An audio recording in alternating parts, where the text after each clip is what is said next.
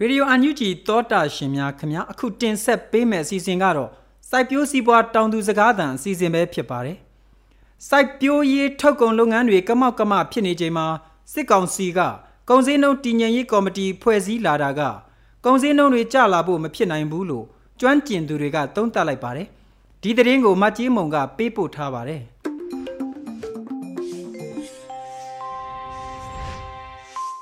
စစ်တပ်ကမြန်မာဒီမိုကရေစီအရေးလှုပ်ရှားမှုတွေကို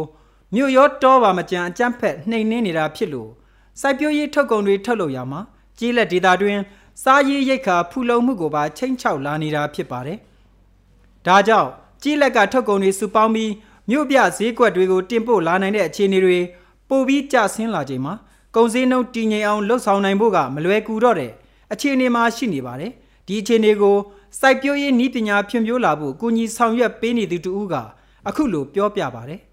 အခက်ခဲရှိပါတယ်ပုံမှန်ဆိုတဲ့အနေအထားကိုတော့စဉ်းစားလို့မရသေးဘူးပေါ့နော်ကိုဒေတာတွေလိုအပ်ချက်ဒေတာတွေဆိုတာကြီးရွာတွေမှာအဲ့ဒီကြီးရွာရဲ့လိုအပ်ချက်တော့မဟုတ်ကြီးရွာအုပ်စုတစုကအဲ့ဒီကြီးရွာအုပ်စုရဲ့လိုအပ်ချက်ကိုပြောတာပါဒေတာတွေဆိုရင်လည်းပဲအဲတိုင်းနေပြည်နယ်လိုက်ဒေတာကြီးကိုဆိုလိုတာမဟုတ်ဘူးပေါ့အဲဒေတာတွေလိုအပ်ချက်ကိုတော့မပြည့်မီအောင်စိုက်ဖို့အတွက်အခြေအနေမပြီးသေးပါဘူးဘာလို့မပြီးလဲဆိုတော့အပိုင်းကနှစ်ပိုင်းပေါ့ စိုက်ကွင်းစိုက်ကွက်ရှိတဲ့မြေဧရိယာကိုတိုးဖို့အတွက်အခက်အခဲရှိတယ်တော့တော့ဘာလို့ပြောရင်ဘယ်အချိန်မှထားပြီးပောက်ကွဲမလဲအဲ့ဒီဒေတာမှာရောဒီမြေမြုပ်ပုံတုံးတော်တဲ့နေရာမှာရှိမရှိမတိချလို့မတော်ရဘူးတော်လိုက်ရင်လည်းဒီနေရာကဘေးစင်ကပြထားခဲ့ရမလဲတိဖို့စိတ်နဲ့တောင်သူကမဆိုင်ရဘူးပေါ့အဲ့ဒါကစိုက်ဖို့တခွင့်ပေးမှာစစ်တပ်ကအာဏာသိမ်းပြီးတနိုင်ငံလုံးထိုးစစ်ဆင်လာပြီးတဲ့နောက်တိုက်ပွဲပေါင်း8000ကျော်ဖြစ်ပွားခဲ့ပြီး နေအိမ်အလုံးပေါင်း8000ကျော်နဲ့စစ်ပေးဒုက္ခသည်ပေါင်း2တန်းခွဲရှိလာတယ်လို့မြမမဟာဗျူဟာနဲ့မူဝါဒလေ့လာရေး Institute ကထုတ်ပြန်ထားပါတယ်ထိုးစစ်တွေကြောင့်တီးနှံစိုက်ပျိုးထုတ်လုပ်နိုင်တာမရှိသလိုတဘာဝဘေးကြောင့်တီးနှံတွေပျက်စီးဆုံးရှုံးလာရင်လည်းတစုံတရာကူညီဆောင်ရွက်ပေးနိုင်တာတွေမရှိတဲ့အတွက်တီးနှံစိုက်ပျိုးထုတ်လုပ်ရမှာအဖက်ဖက်ကကြာဆင်းနေတာဖြစ်ပါတယ်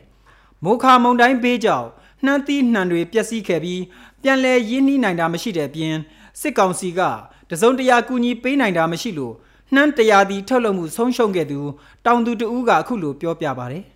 အဲ့တော့မိခဲ့တဲ့တန်းတစ်လျှောက်လုံးပေါ့နော်တော့တို့ငယ်စကားတော့လူမမိခဲ့တဲ့တန်းတစ်လျှောက်အဲ့မှာတို့လူကြီးသူမတွေမေးကြည့်တယ်တော့တို့ဟိုစာတွေပေါ့နော်ဖတ်ခဲ့တယ်တမိုင်းကြောင်းတွေဖတ်ခဲ့ဆက်ဆက်ရေးခဲ့တဲ့စာတွေတို့ဖတ်တဲ့ခါမှာလည်းပဲအားလုံးသုံးသပ်လိုက်လို့ရှိရင်ဒီနေ့ဒီရှင်းချင်းလွတ်လပ်ရေးရပြီးနောက်ပိုင်းမြန်မာနိုင်ငံရေးတမိုင်းမှာအဆိုးအဆုံးဖြစ်စဉ်ပဲဆိုတော့တော်တော်လေးစဉ်းစားလို့မရတော့ဘယ်လိုထွက်ပေါက်ရှာမလဲဘယ်လိုရှောက်တင်းရမလဲဘယ်လိုသက်သာအောင်လုပ်ရမလဲဆိုတာငါတို့အနေနဲ့ကတော့စဉ်းစားလို့မရနိုင်တော့ဘာဖြစ်လို့လဲဆိုတော့အဖက်ဖက်ကချွတ်ချွတ်ကြနေတယ်အနေထားပေါ့နော်လူတယောက်အနေနဲ့စကားပဲနည်းနည်းပြောမယ်ဆိုရင်လူတယောက်ဟာအသက်ရှင်ရပ်တည်ဖို့အတွက်သူ့မှာ ကင်ဆာယောဂရတယ်ဖြစ်နေတာပေါ့ဒီကင်ဆာယောဂကြီးကိုစိင်းကြီးတို့နဲ့ကုနေရဆိုတဲ့အနေထားမျိုးကြတော့ဘယ်လိုကြွားပြီးတော့အဆင်ပြေမလို့အဲ့တော့သူကအခြေအနေအရရပေါ့နော်ဘယ်ပေါင်းစုံရဲ့အခြေအနေအရရဟာအဆရှာမရလောက်အောင်စဆွတ်လို့မရအောင်ဖြစ်နေတဲ့ခါကျတော့တကယ်တကယ်ကိုပဲမိုးကြပြဆန်းနေတဲ့ကားတို့နောက်တစ်ခါကင်ဆာယောဂကြီးပဲစိင်းကြီးတို့လေးနဲ့ဥနေရတယ်လို့ပဲဖြစ်မှာပဲအခြေအနေကတော့ဘလို့မှမဖြစ်နိုင်ဘူး ဒါကြောင့်စစ်တပ်ရဲ့ကုန်စည်နှုန်းတည်ငြိမ်ရေးကော်မတီဆိုတာအဖက်ဖက်ကချွတ်ချုံကြနေတဲ့မြမစီးပွားရေးအခြေအနေတွေကိုထိထိရောက်ရောက်ကုစားနိုင်မှာမဟုတ်ဘူးလို့လူမှုကူညီရေးလုပ်ငန်းတွေကိုအကူအညီပေးနေသူတူကအခုလိုသုံးသပ်ပါတယ်ခုလုံးလို့တယ်တော့ဒီနှမ်းမရဘူးဆိုရင်ကျွန်တော်တို့ကနှမ်းလေးရမှလေတဲ့ဟိုပင်ရစုထည့်လိုက်အဲ့လောက်ဆိုကျွန်တော်လည်းလေစားတင်ပြီးစိုက်မယ်ဒီလိုက်လာဆန်းကတဲ့ကဒီနှမ်းရိတ်သိမ့်မယ်ရိတ်သိမ့်ပြီးနှမ်းရောက်မယ်ရောက်ပြီးကမှလေထဲမှာအရင်ထည့်ရမယ်ပစ္စည်းတွေဝယ်ရမယ်ထွန်စိတ်တွေလုပ်ရမယ်ဆိုတော့ကြတော့ ကိုလက်ရှိကလည်းတချို့တောင်သူ90ရာနှုန်းလောက်ကခဲ့ချင်းဒီမှာကျွေးချိပြီးတော့ပဲဒီနှမ်းကိုရင်းနှီးထားရတာဖြစ်တဲ့အတွက်အကျွေးပေါ်အကျွေးရှင်ပေါ့အတိုးပေါ်အတိုးရှင်ဖြစ်ကုန်ကြတာပေါ့လောလောဆယ်တော့တောင်သူတွေကူသိရတဲ့လောက်ဆိုရင်လက်မှန်ချကုန်ကြပြီတော်တော်ကိုစိတ်ဆင်းရဲနေကြအကြမ်းဖက်စစ်တပ်က2023-2024ခုနှစ်အတွင်းစီးပွားရေး4ရာခိုင်နှုန်းတိုးတက်ဖို့မျှော်မှန်းထားတယ်လို့ပြောပေမဲ့တစ်ဖက်မှာလည်းစစ်ရေးတိုက်ခိုက်မှုကြောင့်ကုန်စည်စည်းစိမ်မှုကိုထိခိုက်တာ ပို့ကုန်တင်ပို့မှုကျဆင်းလာပြီးသွင်းကုန်တန်ဖိုးထက်အမေရိကန်ဒေါ်လာတန်း900နီးပါးကျဆင်းနေတာဖြစ်ပါတယ်ဒီလိုအခြေအနေမှာကုန်စည်နှုန်းတည်ငြိမ်ဖို့ကော်မတီဖွဲ့စည်းကြောင်းထုတ်ပြန်လာတာကယုံကြည်နိုင်စရာမရှိဘူးလို့ကျွမ်းကျင်သူတွေကပြောဆိုလိုက်တာပဲဖြစ်ပါတယ်အခုတင်ဆက်ပေးခဲ့တဲ့မြေပြင်သတင်းအကြောင်းအရာတွေကိုတော့